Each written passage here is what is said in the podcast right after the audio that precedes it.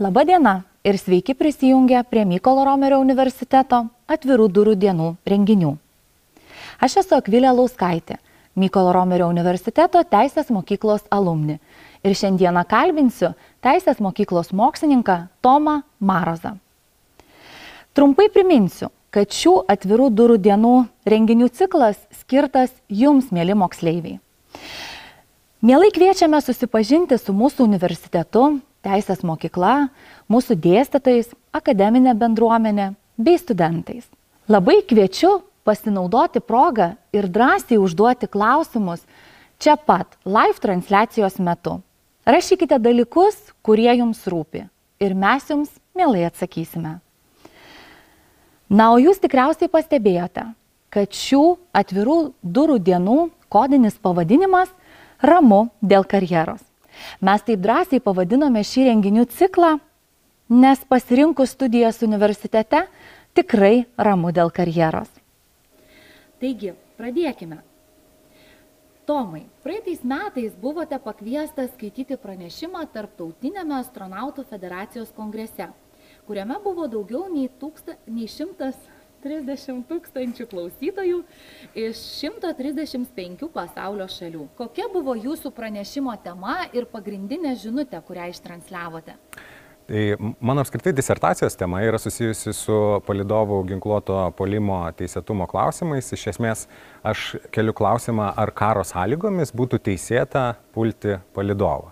Tačiau tokiame prestižinėme renginyje aš vis dėlto norėjau atkreipti dėmesį žiūrovų ir klausytojų į tai, ar taiko sąlygomis yra kokių nors tarptautinė teisė nustatytų ribojimų, kurie galėtų pažaboti tokius valstybių veiksmus. Kaip žinia, buvo keletas bandymų per paskutinį dešimtmetį, kuomet buvo išbandyti kinetiniai ginklai prieš palidoviniai. Aišku, galėsiu papasakoti šiek tiek detaliau vėliau apie tai, bet iš esmės aš tiesiog norėjau pažiūrėti, ar taikos teisė nustato irgi tam tikrus ribojimus ir jinai nustato. Aišku, Tomai, sakykit, jūsų mokslinių tyrimų tema skamba iš tikrųjų labai intriguojančiai. Ar galėtumėte prisiminti ir pasidalinti, kaip ją susidomėjote? A, iš tikrųjų, a, atsakymas labai paprastas. Aš a, jau dešimt metų epizodiškai, bet daugiau mažiau nuolatin, nuolat, nuolat dėstau tarptautinės humanitarinės teisės seminarus vedu ir nuolat domiuosi ginkluoto konflikto teisę, naujomis tendencijomis ir tiesiog, kadangi tie visi informacinis laukas manęs neaplenkia, daugiau mažiau žinau, kas yra aktualu ir, ir kur galima dar būtų, sakykime, efektyviai prisidėti prie kažkokio tarptautinio tarptau, tyrimų, kuriais galėt, galėčiau prisidėti prie uh, tam tikro tarptautinės naudos. Tai uh, apskritai teisėje, kaip ir bet kuriame, turbūt bet kurioje kitoje šakoje, vyrauja tam tikros mados uh, moksliniuose straipsniuose. Ir, um, sakykime, kaip pavyzdį galėčiau pasakyti, kad kibernetinio saugumo klausimai jau buvo įgyję pakankamai didelį pagreitį iki rugsėjo 11-osios įvykių. Ir tuo metu, kai įvykdytos rugsėjo 11 buvo teroristinės atakos, tuomet visas mokslinis, sakykime, suinteresuotumas pasikreipė į tokius klausimus kaip pavyzdžiui, terorizmo savoka pagal tarptautinę teisę, ar nevalstybiniai dariniai gali dalyvauti ginkluotose konfliktuose, kaip traktuoti tokius ginkluotus konfliktus, kokia yra civilių tiesiogiai dalyvaujančių ginkluotam konflikte, kokia jų teisinė padėtis, atsakomybės. Tai um, po truputį tie klausimai išseko Ir tuomet kibernetinio saugumo klausimai vėl įgyjo didelį pagreitį, ypač žinant, kad kibernetinėje erdvėje, ypač per paskutinį dešimtmetį buvo daugybė pokyčių, jinai prieinama visiems ir, ir iš esmės um, uh, kibernetinio saugumo klausimai ir susiję su tarptautinė teisė uh, pakankamai detaliai buvo išspręsti prieimus tokį Talino vadovą, tai yra iš esmės akademinis leidinys, kurį sudarė geriausi pasaulio ekspertai, ten maždaug 20 asmenų ekspertinė grupė. Ir jie iškristalizavo klausimą vis dėlto, kokia tarptautinė teisė turėtų būti taikoma galiojanti tarptautinė teisė kibernetiniam atakom, kas tie asmenys hakeriai, ar jie yra kombatantai ar nekombatantai. Tai matydamas tai, kad šitas klausimas po truputį nueina jau dabar į šalį, ir girdėdamas e, ypač, e, sakykime, progresyvę kosminės erdvės e, plėtojimą, kosminių technologijų plėtojimą, tai uh, pajutau, kad, kad šita niša yra neužimta dar ir, ir vis dėlto norėjau prie to prisidėti ir tiesiog nepraleisti progos. Sakykit, kokias grėsmės matote kosminėje erdvėje? Ar nemanote, kad buvęs JAV prezidentas Trumpas persistengė su karinių kosmoso pajėgų sukūrimu? Grėsmės iš tikrųjų egzistuoja ir jos yra įvairiausias. Galėtume žvelgti tiek, išvelgti tiek karinės grėsmės kitoms valstybėms, nes pagrindinės kosminės valstybės aktyviai kūrė kosminę ginkluotę. Tai jinai gali būti tiek nukreipta į palidovus, tiek visokių net projektų būta, kad iš kosminės erdvės galėtų būti paleidžiami ginklai į Žemę. Tai viena vertus matau karinių grėsmių tam tikrą, ne tam tikrą, bet didel, didelės karinės grėsmės. Ir kita vertus civiliam gyventojam iš, iš tiesų dėl tų karinių grėsmių gali iškilti didelis pavojus. Nes, nes vienaip ar kitaip šio laikinėme pasaulyje, globaliame, susietame tarp valstybiniais, tarp žemyniniais tinklais, palidovai e, kosminėje erdvėje skriejantis įrenginiai yra itin svarbus ir daugelis šio laikinių operacijų, pradedant internetu, bankiniam, finansiniu sektorium, jos priklauso būtent nuo palidovų veiklos ir nuo palidovų siunčiamų signalų. Taigi, sakykime, kas atsitiktų, jeigu būtų sunaikintas koks nors GPS tinklas, tai galbūt neatsitiktų nieko, tiesiog tektų atsiversti žemėlapį, o galbūt Tesla automobilis nukristų nuo kokio skardžio.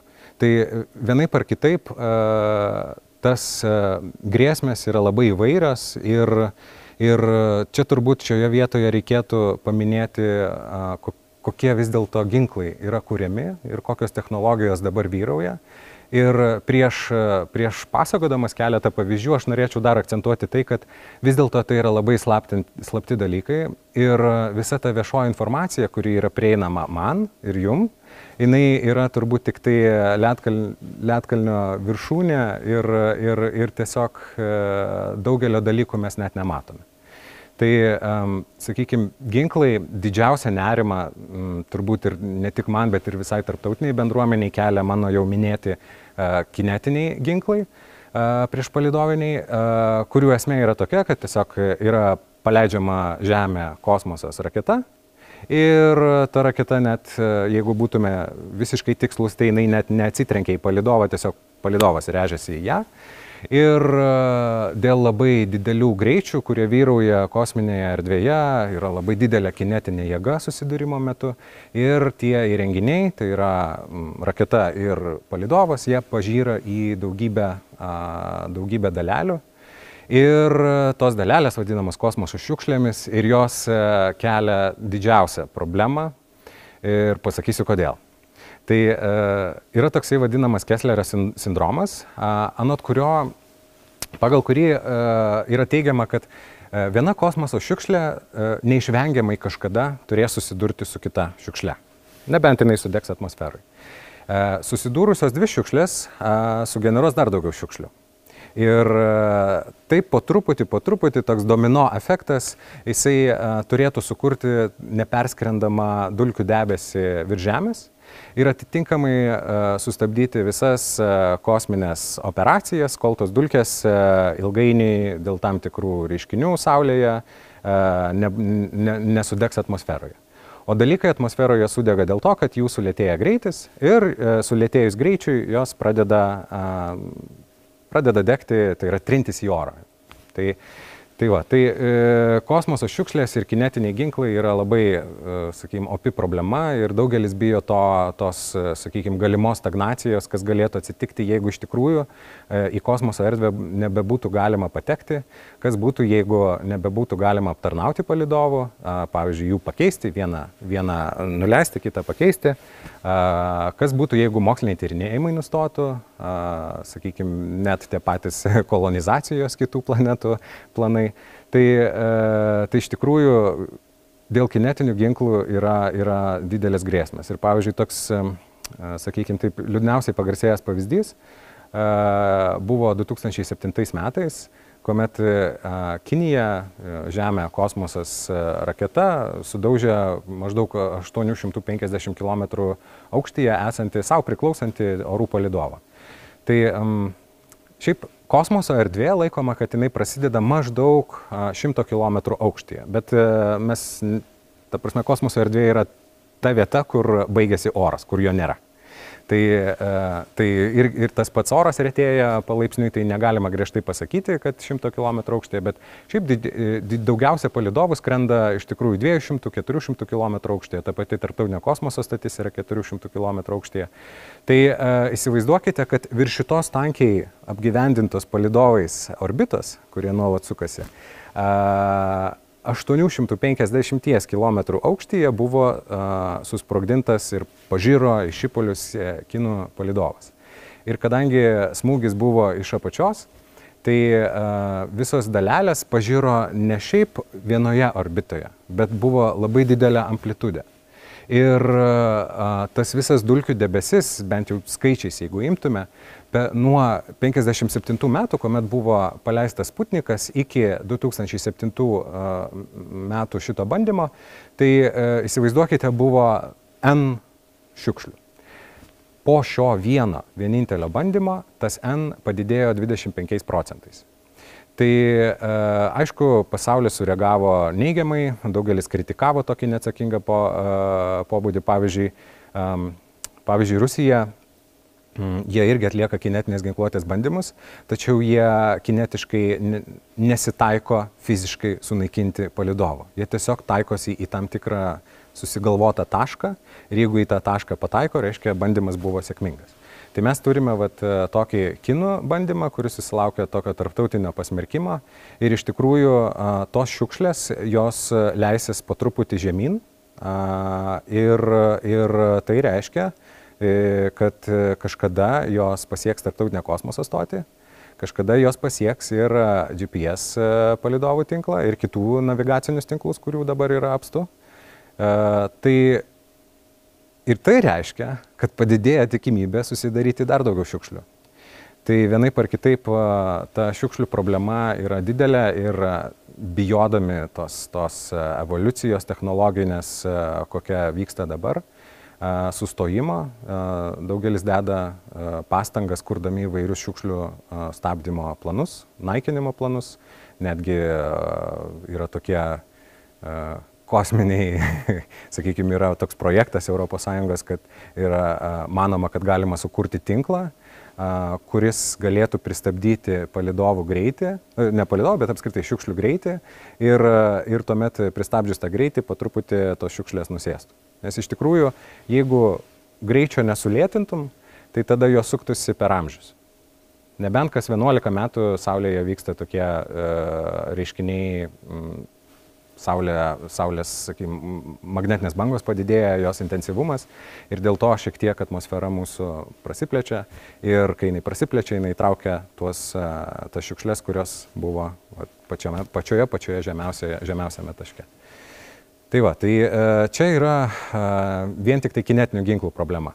Kita problema yra ir nekinetiniai ginklai, tai yra lazeriniai ginklai, yra signalų blokavimo ginklai kurie iš tikrųjų yra dar labiau prieinami paprastiem vartotojam.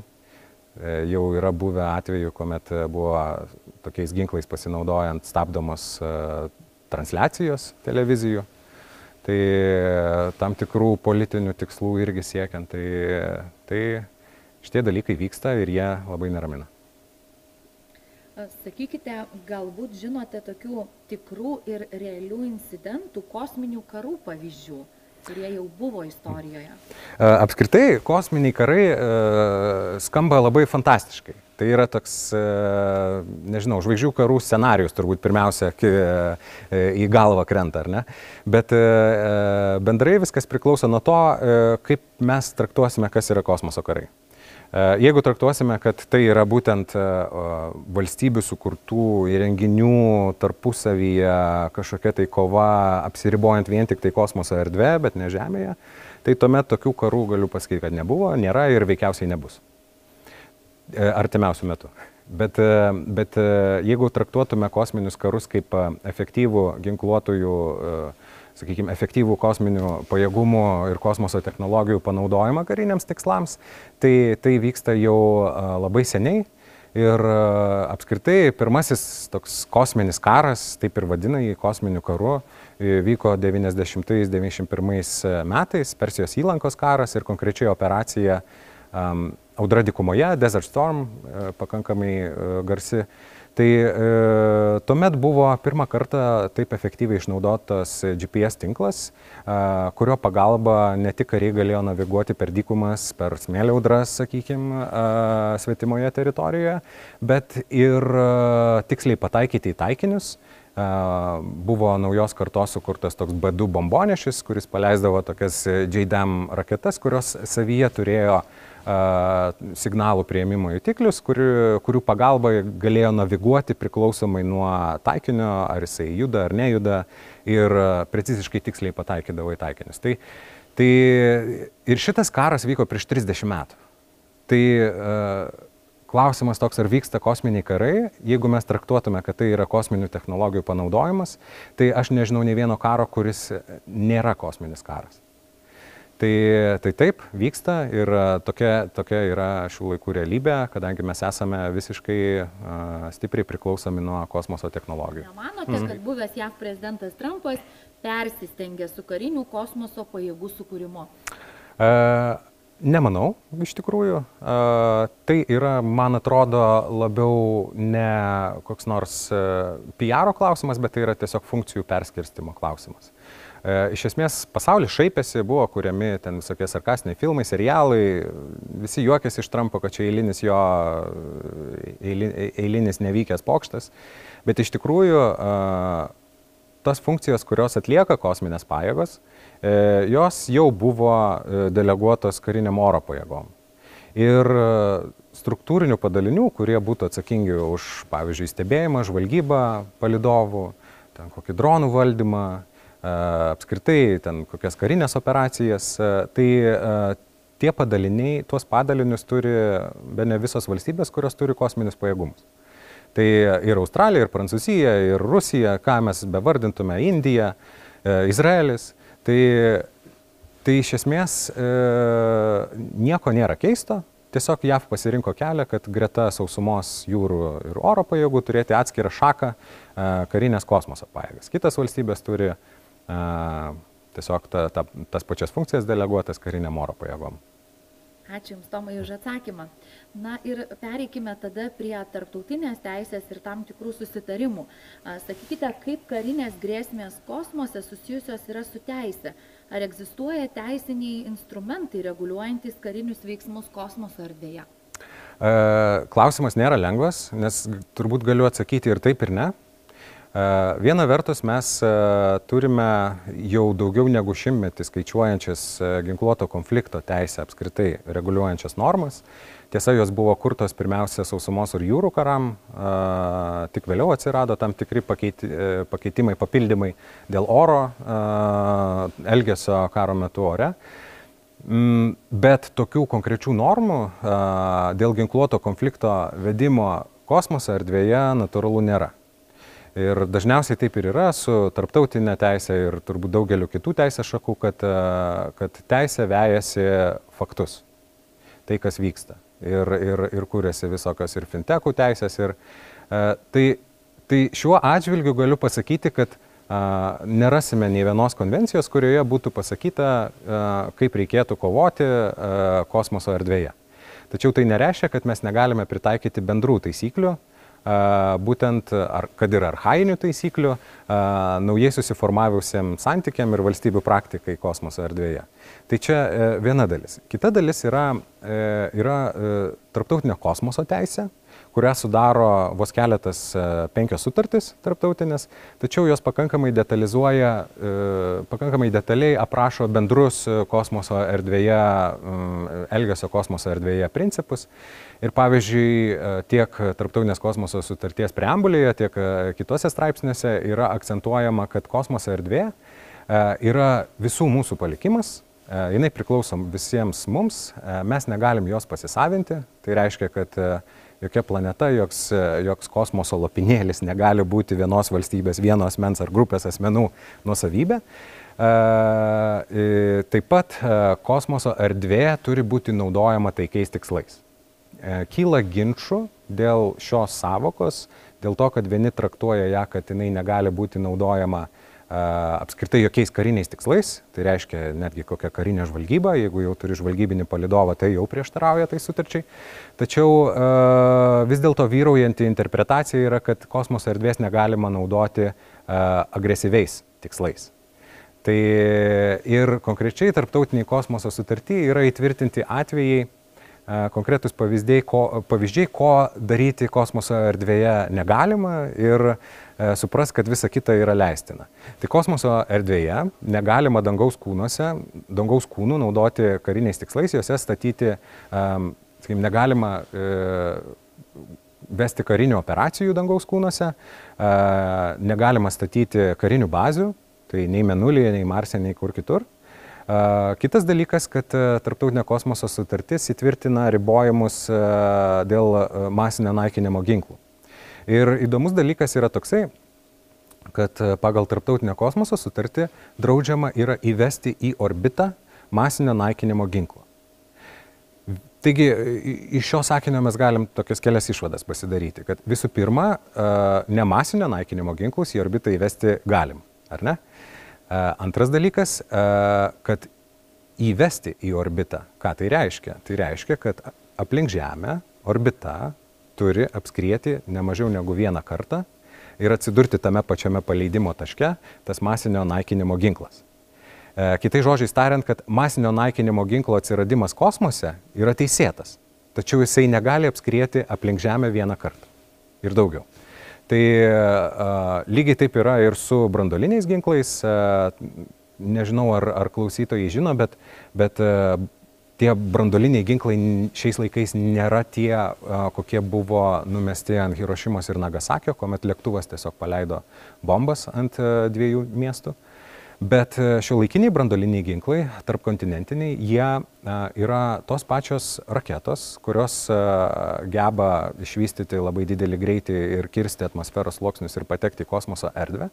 Tai brandolinį ginklą gebanti nešti raketa, jinai pakyla į kosmosą, tuomet pradeda skrieti kosmoso erdvė ir e, sulėtina greitį, įsijungia nusileidimo mechanizmai, jinai kerta atmosferos sluoksnius ir jau leidžiasi į tą suplanuotą tašką. Tai e, viskas vyksta maždaug 11 km per sekundę greičiu.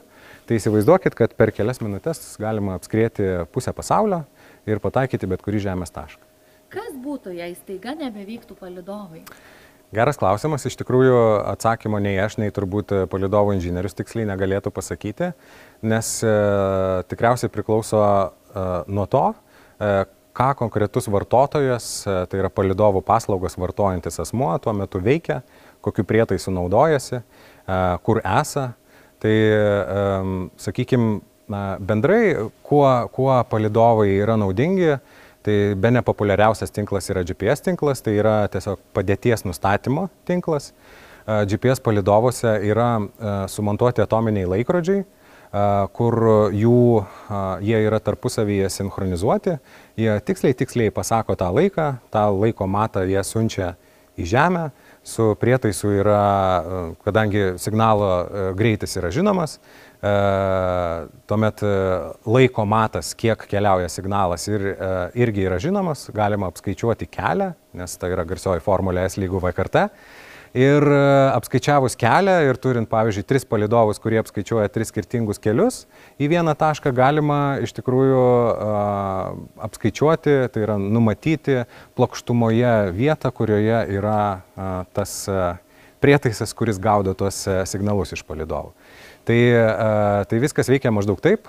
Yra labai svarbus, kaip minėjau, tie atominiai laikrodžiai sumontuoti palidovose, nes būtent tą atominį laiką daugelis Žemės technologijų naudoja ir tas atominis laikas, kadangi yra toksai tikslus, būtent jisai naudojamas įvairiose finansinėse sektoriuose, nežinau, išsiemant pinigus iš bankomatų, prekiaujant akcijomis ir, ir, nežinau, net valdant energiją, energijos kiekius, ten komunikuojant, garso signalai. Tai, tai vienaip ar kitaip viskas priklausytų, jeigu palidovai staiga nebeveiktų, viskas priklausytų nuo to, ką vartotojas tuo metu daro.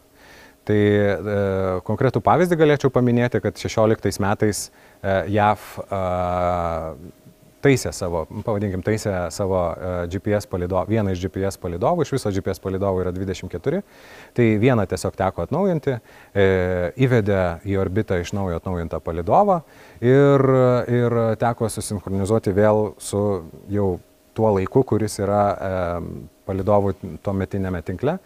Ir įsivėlė 13 milijonoji sekundės dalies paklaida. Ir tai lėmė uh, sutrikimų Žemėje, Teko domėtis, kad e, virš Kanados e, vietomis nustojo veikti 911 numeris, Didžioji Britanija sutriko BBC transliacijos, o, o, o sakykime, netgi buvo, e, buvo tokių faktų pateikta, kad iš tikrųjų sutriko ir energijos tiekimo tam tikri pakitimai buvo. Tai, tai kadangi energijos tiekimas yra jau kritinė infrastruktūra ir, ir sakykime, jos jinai turi būti labai reguliuojama ir ar per daug ar per mažai gali lemti labai didelius, didelę žalą, tai, tai, e, tai tokie reiškiniai įvyko, įsivaizduokite, tik tai 13 milijonosios sekundės paklaidoje. Ir kas žino, kas būtų, jeigu apskritai nustotų veikti ir apskritai nebeegzistuotų tas palidovinis laikas, sakykime, tuo metu, pavyzdžiui, tas lėktuvas, kuris a, prastomis oro sąlygomis yra pasiruošęs nutūpti kokio nors a, miesto kalnuotoje, kalvotoje vietovėje oro uoste, jisai staiga turėtų vadovautis vizualiųjų skrydžių taisyklėmis, nes tiesiog GPS nebeveiktų.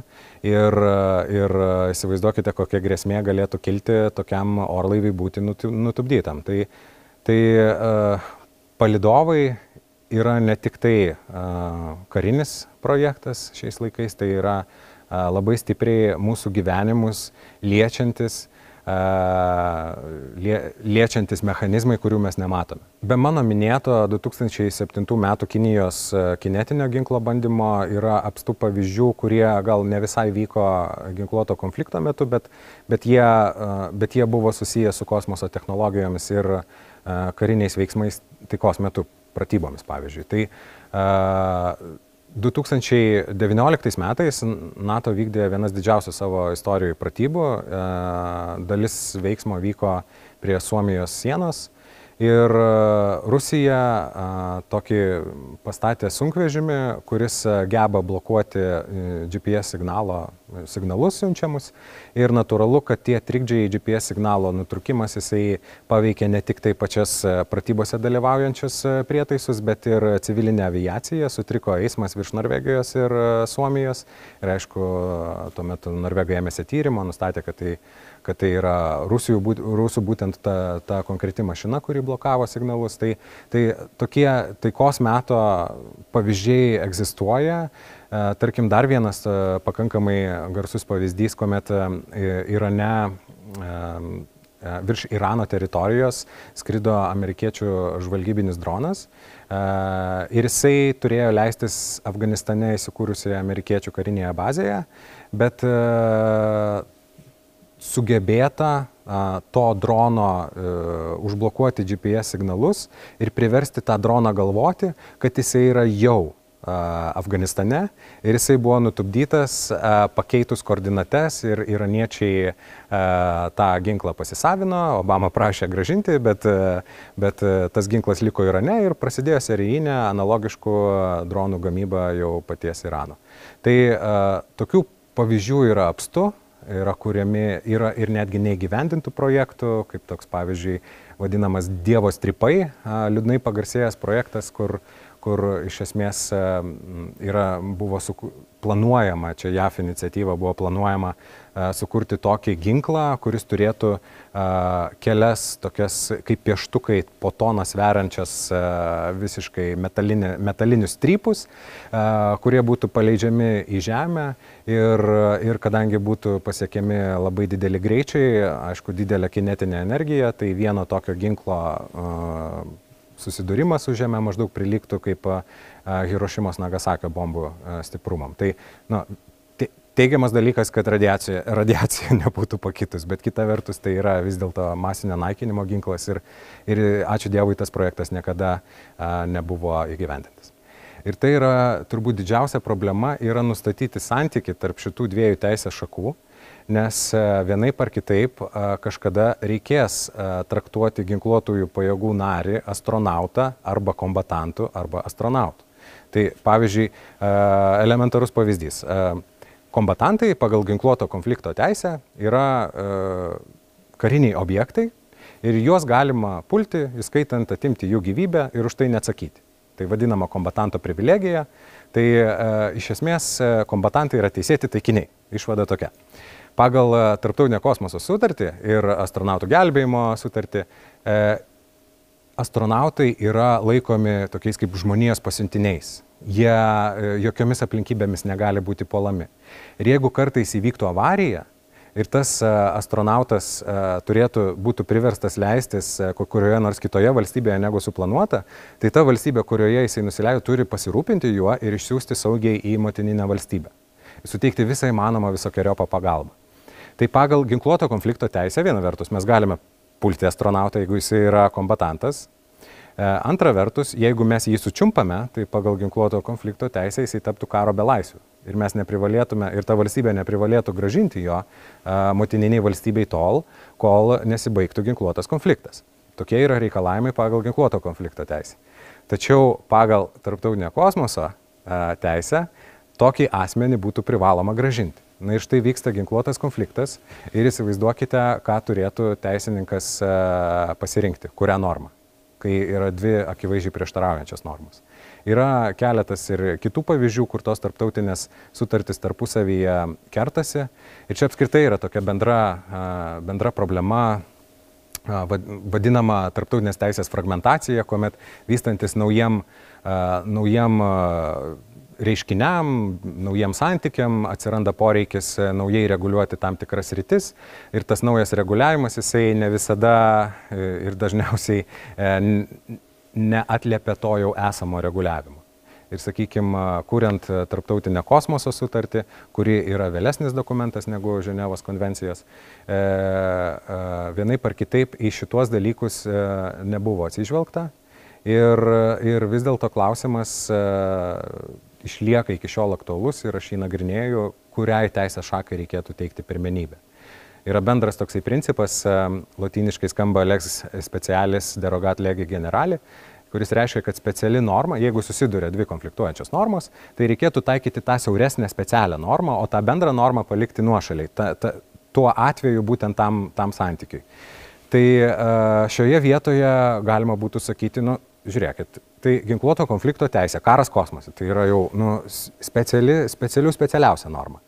Kita vertus, iš tarptautinės kosmoso sutarties pus, e, teisės pusės galima sakyti, kad gerai, jūsų ginkluoti konfliktai jie vyksta žemėje, sausumoje, vandenyje, ore, o čia yra labai specifinis režimas.